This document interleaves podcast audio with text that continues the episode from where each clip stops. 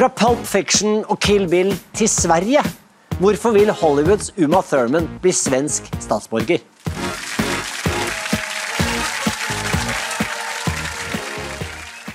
De siste månedene har avisene i Norge brukt atskillige spaltemeter på å fortelle oss at tradisjonell radio og TV stadig mister flere og flere seere og lyttere.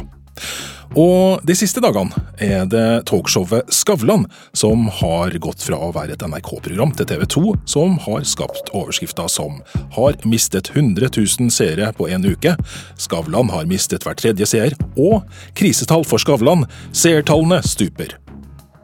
Er dette bekreftelsen på at direktesendt radio og TV snart er avleggs og gammeldags, eller vil vi i framtida også bruke tid på direktesendt TV og radio? Du hører på mediemagasinet Kurer. Jeg heter Lars Erik Ertsgaard Ringen.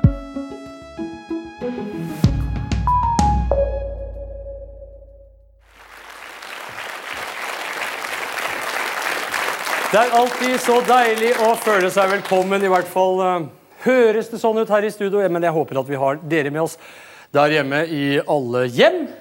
For det er jo dere vi lager programmene for. Studio Den 3. desember i 1988 var en historisk dag, sjøl om folk kanskje ikke forsto det da. Dette var nemlig den siste lørdagen i norgeshistoria hvor hele landet benka seg rundt TV-apparatene for å se den eneste norskspråklige lørdagsunderholdninga på NRK TV.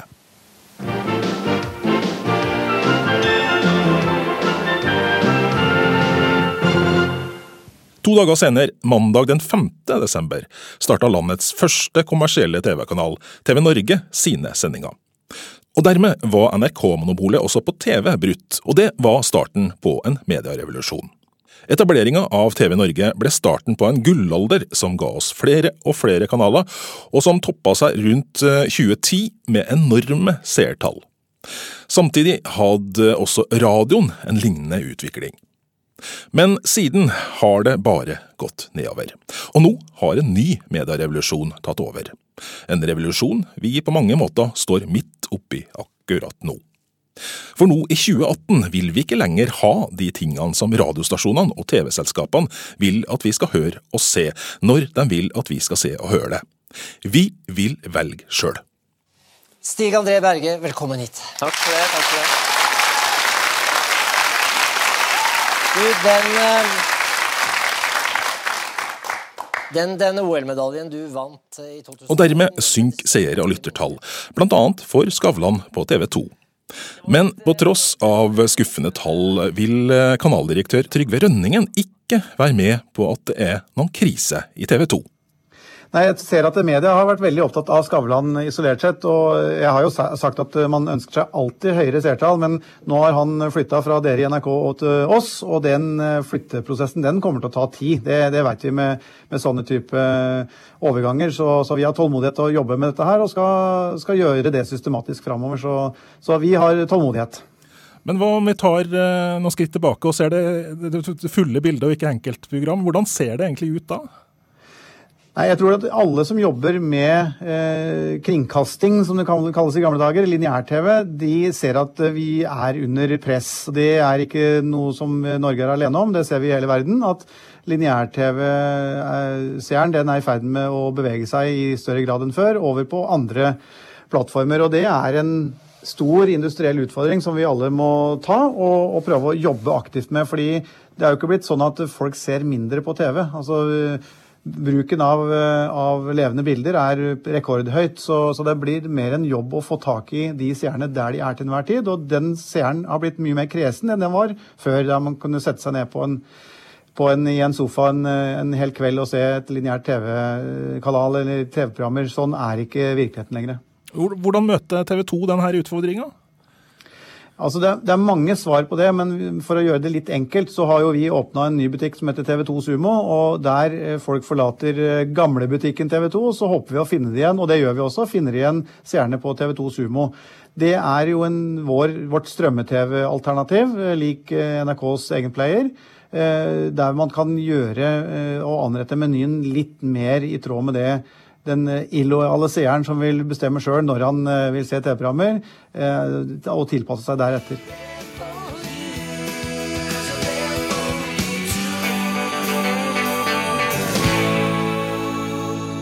TV 2 Vi er Norges seriemester!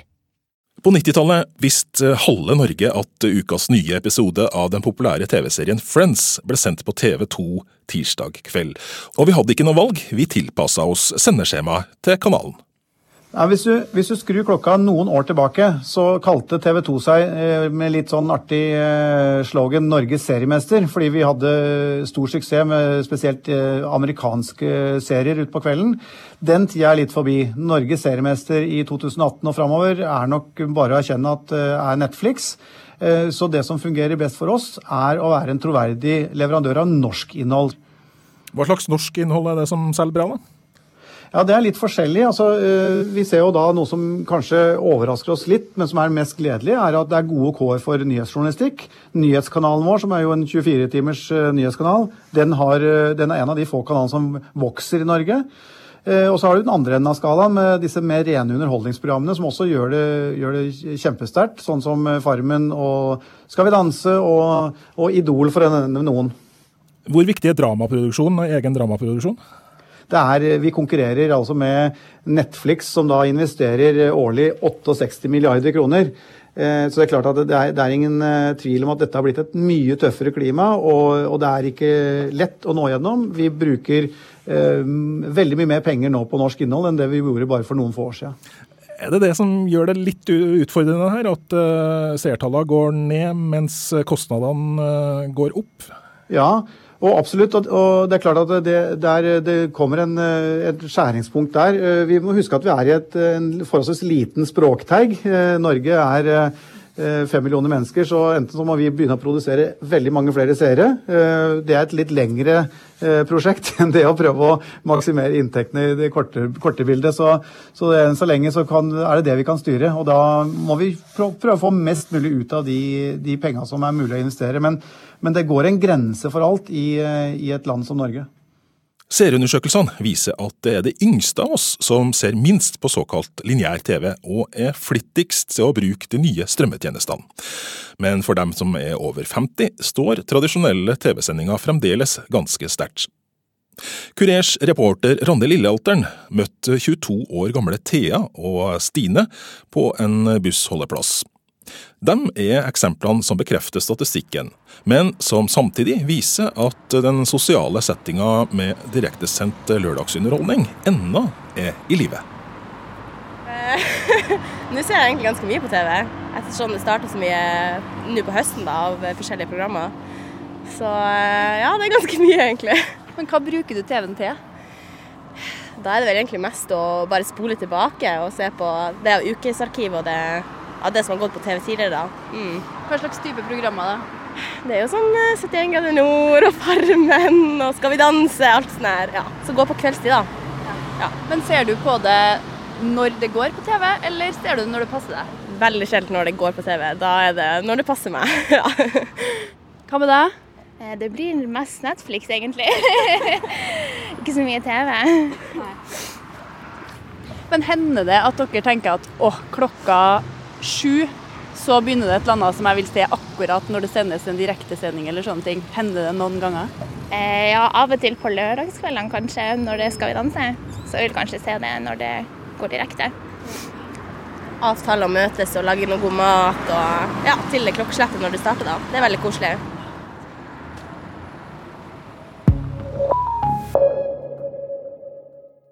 Mediemagasinet Kurer ser i dag nærmere på situasjonen hos de tradisjonelle direktesendte radio- og TV-kanalene i Norge. Vi har allerede hørt TV 2s Trygve Rønningen bekrefte at eh, det er krevende å drive med direktesendt TV nå i 2018. Men hvordan er det på radio? Også her har avisene slått stort opp at antallet radiolyttere stuper. Vi har lest at lyttertallene i sommer var på et historisk bunnivå, og for noen dager siden slo Nettavisa opp at 527 000 radiolyttere har forsvunnet på to år. Jon Branes, som er fungerende radiosjef i NRK, sier det samme som Trygve Rønningen i TV 2. De negative tallene skaper ingen krisestemning hos Rikskringkasteren. Kan ikke si jeg har noe spesielt høye skuldre, nei. Vi har jo eh, Vi er jo ikke dummere enn at vi skjønte at lyttinga skulle gå ned når vi bytter teknologi over absolutt hele landet. Eh, og eh, vi er tålmodige, kanskje litt mindre tålmodige enn vi var. Vi syns at det godt kan eh, gå litt fortere oppover nå enn det har gjort hittil i år. Det handler i veldig stor grad om at folk ikke har apparat tilgjengelig der de hadde det før. Og vi må bare ha respekt for at folk kjøper seg radioapparat i sitt eget tempo. Spesielt er det jo i biler at folk mangler radio. Mange i hvert fall gjør det. Og da, det kommer til å ta tid, rett og slett. Men hvordan ligger det an nå på høsten 2018, sammenlignet med det de så for seg på forhånd, før de skrudde av FM-senderne? Vi hadde aldri noe sånne veldig tallfesta mål på det. Vi hadde regna med å gå ned det antallet prosentpoeng som vi har gjort omtrent. Eh, og så hadde vi nok håpa at det skulle være litt mer økning, spesielt nå i andre halvår. da. Men vi har jo ikke kommet noe Det er jo fortsatt bare 300 dager og knapt nok det siden vi slo av de siste FM-senderne. Så noe fasit har ikke vi egentlig regna med å ha i hende før om i hvert fall ett år til. Vi har ikke tenkt verken å få panikk eller noe som helst. Dette, dette vil ta den tida det tar. Fungerende radiosjef Jon Branes i NRK tror altså at radiolyttinga vil ta seg opp igjen, og mener at eh, historia viser at radiolytting i Norge står sterkt. Jeg tenker Hvis vi ser på uh, bruk av radio gjennom de siste la oss si 20-30 år, da, så er den jo veldig stabil. Selv i det året hvor vi da har slått av FM-sendinga, så har vi tapt totalt sett eh, kanskje bare 3-4 prosentpoeng i daglig dekning, hvis du ser over hele året. Eh, sånn at det er et medium som folk fortsatt bruker, og som de bruker sånn som de har gjort før. Ganske tradisjonelt og stabilt. Eh, andre medieplattformer har det nok verre i konkurransen mot eh, forskjellige internettilbud og mot mobiltelefonen. Men også når det gjelder lyd, blir vi mer og mer vant med strømmetjenester som gir oss muligheten til å velge hva vi vil høre, når vi vil høre det. Musikkstrømmetjenester og lydpodkaster er populære, særlig blant de unge. Jon Brannes innrømmer at digitaliseringa av radiosendenettet har tatt fokuset bort fra NRKs satsing på valgbar radio. Vi har brukt veldig mye energi på eh, den lineære radioen og utvikle det nye tilbudet på DAB+, og derfor har ikke vi systematisert vår satsing på podkast før de siste par-tre åra. Eh, mens i Sverige f.eks., hvor de eh, ikke har utvikla noe nytt kanaltilbud på noe digitalradio, i hvert fall ennå, eh, så har de jo brukt mer energi på podkast og mer energi på valgbar radio. Så der har det jo tilsynelatende i hvert fall vært større enn det, enn det her. Mediebruk generelt sett handler mye mer nå om å lete, finne og trykke, enn det handler om å bare bli med i en strøm som allerede er der. Kurers reporter Randi Lillealteren møtte Einar og Ellen, som begge er i midten av 20-åra på et bakeri i Trondheim. Begge to ser mest på valgbar TV hjemme hos seg sjøl. Ja, TV ikke så mye. Stort sett bare sånn Dagsnytt 18 og Dagsrevyen, egentlig. Og så ser jeg litt mer på Netflix på kveldene. så da blir jeg mer sånn binge-watching, skal jeg til å si. Men ser du på type nyheter på, på lineær TV hver dag, eller er det bare sånn av og til? Eh, nei, nesten hver dag, egentlig. Det er sånn fast Dagsnytt 18. Og så hvis jeg liksom kommer hjem litt senere, så pleier jeg å starte på repeat, på en måte. Og så ser jeg Dagsrevyen etterpå. ja. Men ser du det da alltid akkurat når det starter, eller ser du det når det passer for deg? Eh, nei, som regel. Så hvis jeg liksom eh, så da lager meg mat eller noe sånt, så starter jeg det på nytt. Så ser jeg på en måte fra start av. Sånn, for du kan jo gå inn på TV-en og starte på nytt. Så som regel er det det jeg gjør egentlig. Ja, vi flytta inn i ny leilighet i mai, og da vi kom dit, så var det jo inkludert eh, Kanal Digital i husleia. Men vi orka ikke å koble opp Kanal Digital-boksen, fordi at man blir bare sittende der og bla gjennom kanalene, og man ser egentlig ikke på noe. Så da bruker vi heller Netflix i stedet. Så nå kan du be om å få lavere husleie, da? Ja, egentlig. Godt poeng. Det skal jeg gjøre. Knut Arne Futsæter er forskningsleder i Kantar Media, som kartlegger nordmenns mediebruk og lager lytter- og seerstatistikk. Han mener at statistikken for radio viser at nedgangen i lyttinga ikke bare har kommet pga. omlegginga til DAB+. Det er viktig å ha med seg det at uh, den utviklinga her har egentlig pågått uh, de siste årene. og Fra 2015 til 2016, altså før uh, DAB Riks beslutta, så ble det redusert lyttertid fra 89 minutter til 85 minutter.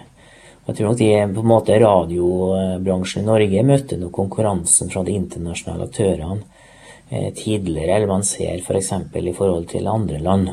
Og Det er nok spesielt tror jeg, streaming og Spotify som er seila opp som en viktig konkurrent for de norske radiokanalene. Og Så er det jo et spennende år, da, i og med at det er det første året med et riksdekkende DAB-nettverk. Hvordan har egentlig tallene utvikla seg? Ja, nei, altså Som forventa så gikk tallene tilbake da for eh, rikskanalene på, i år når lyttetid og dekning. Eh, kanskje mer eller mange ville forventa også.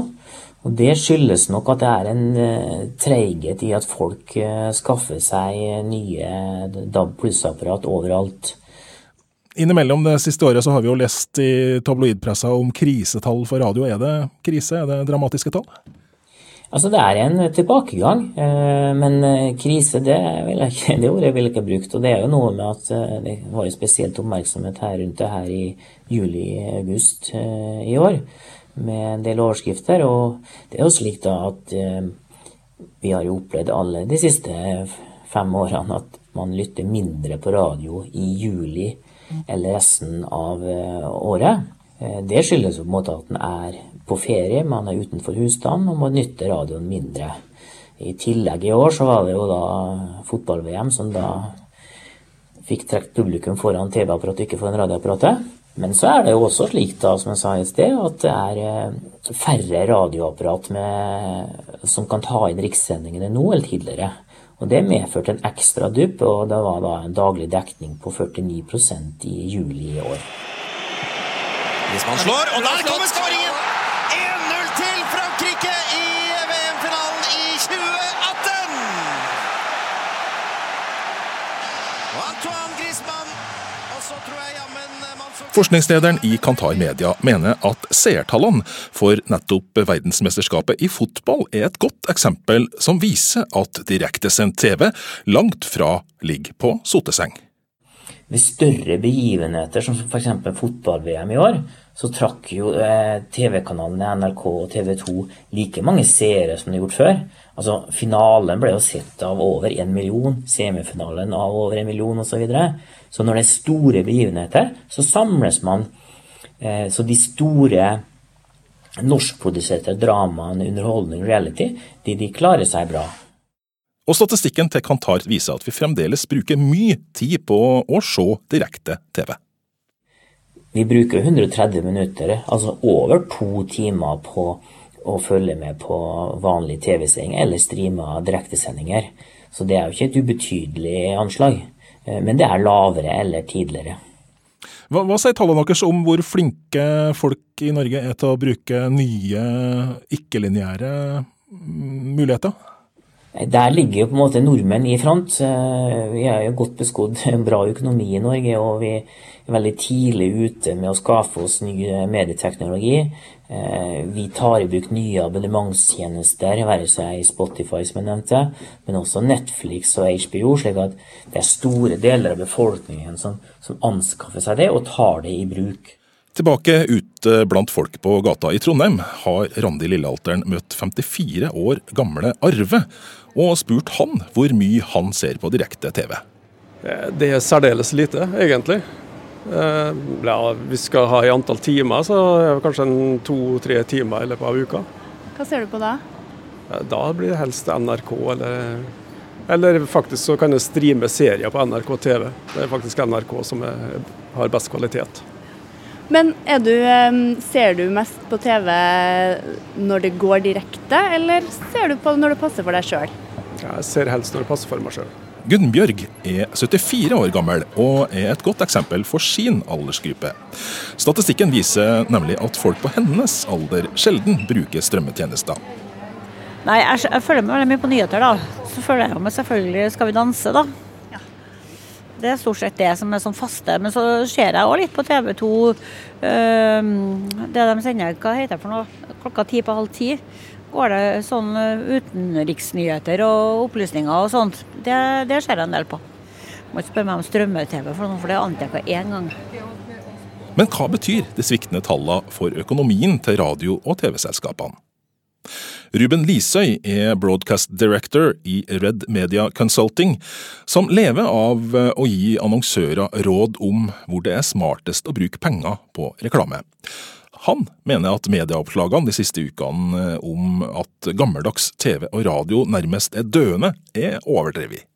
De her eh, TV-ens død-overskriften har vel kommet siden 2006, så det er jo ikke noe nytt, da, men eh, det er, det er endelig noe å prate om. Eh, og det krever jo at annonsørene er mer våkne på utviklingene og tilpasser seg. For sjøl om pilene peker nedover for TV, forteller Ruben Lisøy at utgangspunktet var så godt og så sterkt at det fremdeles er smart å bruke penger på TV-reklame. Den kaka var så stor at det er ikke avgjørende at den blei litt mindre. Så jeg tror nok vi er langt unna TV-ens død med dagens utvikling. Men likevel har særlig de dårlige tallene for TV-titting blant de aller yngste av oss allerede kanskje ført til at noen av selskapene har nådd den grensa der det ikke lenger lønner seg å bruke penger på reklame på TV, mener Ruben Lisøy. Hvis du har en veldig, veldig ung profil, at du kun ønsker å nå de aller yngste, så kan det allerede være litt for dyrt for deg å være på TV kontra effekten du får tilbake. Men i all hovedsak så tror jeg nok TV som kanal kan falle uhorvelig mye mer enn det det har gjort til nå, før det ikke er en attraktiv plass å være for annonsører, for effekten er enormt høy. Ruben Lisøy mener pressa delvis bommer når de tegner et bilde av at det er krise i norsk TV-bransje. På radio er det NRK som har størst nedgang, mens de to største kommersielle aktørene klarer seg bedre. Også her har pressa bomma en del, mener Lisøy. Jeg syns det er mye urydder her, men så er jo fra et kommersielt ståsted så bryr jeg meg bare om to av disse tre kanalene, kanalgruppene, og NRK er den soleklart største. Så hvis du ser på totalfallet, og du bryr deg om radio som medie ut, uavhengig av kommersielt eller ikke kommersielt, så er det jo en betydelig nedgang. Det er en liten skrell. Uh, men fra det kommersielle ståstedet så er ikke utfordringa like stor. Hva med de siste dagenes skriverier om krisetallene for Skavlan? Har avisene rett i at TV 2 trolig har litt panikk akkurat nå? Ja, det er jo litt morsomt, fordi jeg syns kanskje de fikk mer rett til slutt. Eller har mer rett nå enn de hadde når de skrev det første gangen. For jeg gikk jo rundt og omtalte det som en nydelig utvikling etter to visningsrunder av Skavlan. Og grunnen til det var at Skavlan overskriften var jo at han mista 200 000 seere. Fra min side som, som mediekjøper så så jeg at han hadde jo mista 198 000 av de i de målgruppene som er fra 60 til 79 år. Og det er ikke det at disse ikke har noen betydning eller verdi, det er bare at vi treffer de så utrolig godt på lineær-TV fra før av. Så de første 200 000 seerne Skavlan mista, var mest, var de mest lønnsomme for annonsørene. Det var helt strålende. De fikk en mye sunnere profil på TV 2 enn det hadde på NRK. Men de siste to episodene etter det, så har jo da mediene fått litt rett allikevel, fordi da fortsatte de å falle. Og nå syns jeg det leverer betraktelig mindre enn det man burde forvente av et sånt program, og jeg tror nok ikke de TV 2 er helt fornøyd. Om du har en kommentar til dagens program eller et tips til redaksjonen i Kurer, så når du oss på e-postadressen kurer alfakrøll nrk.no.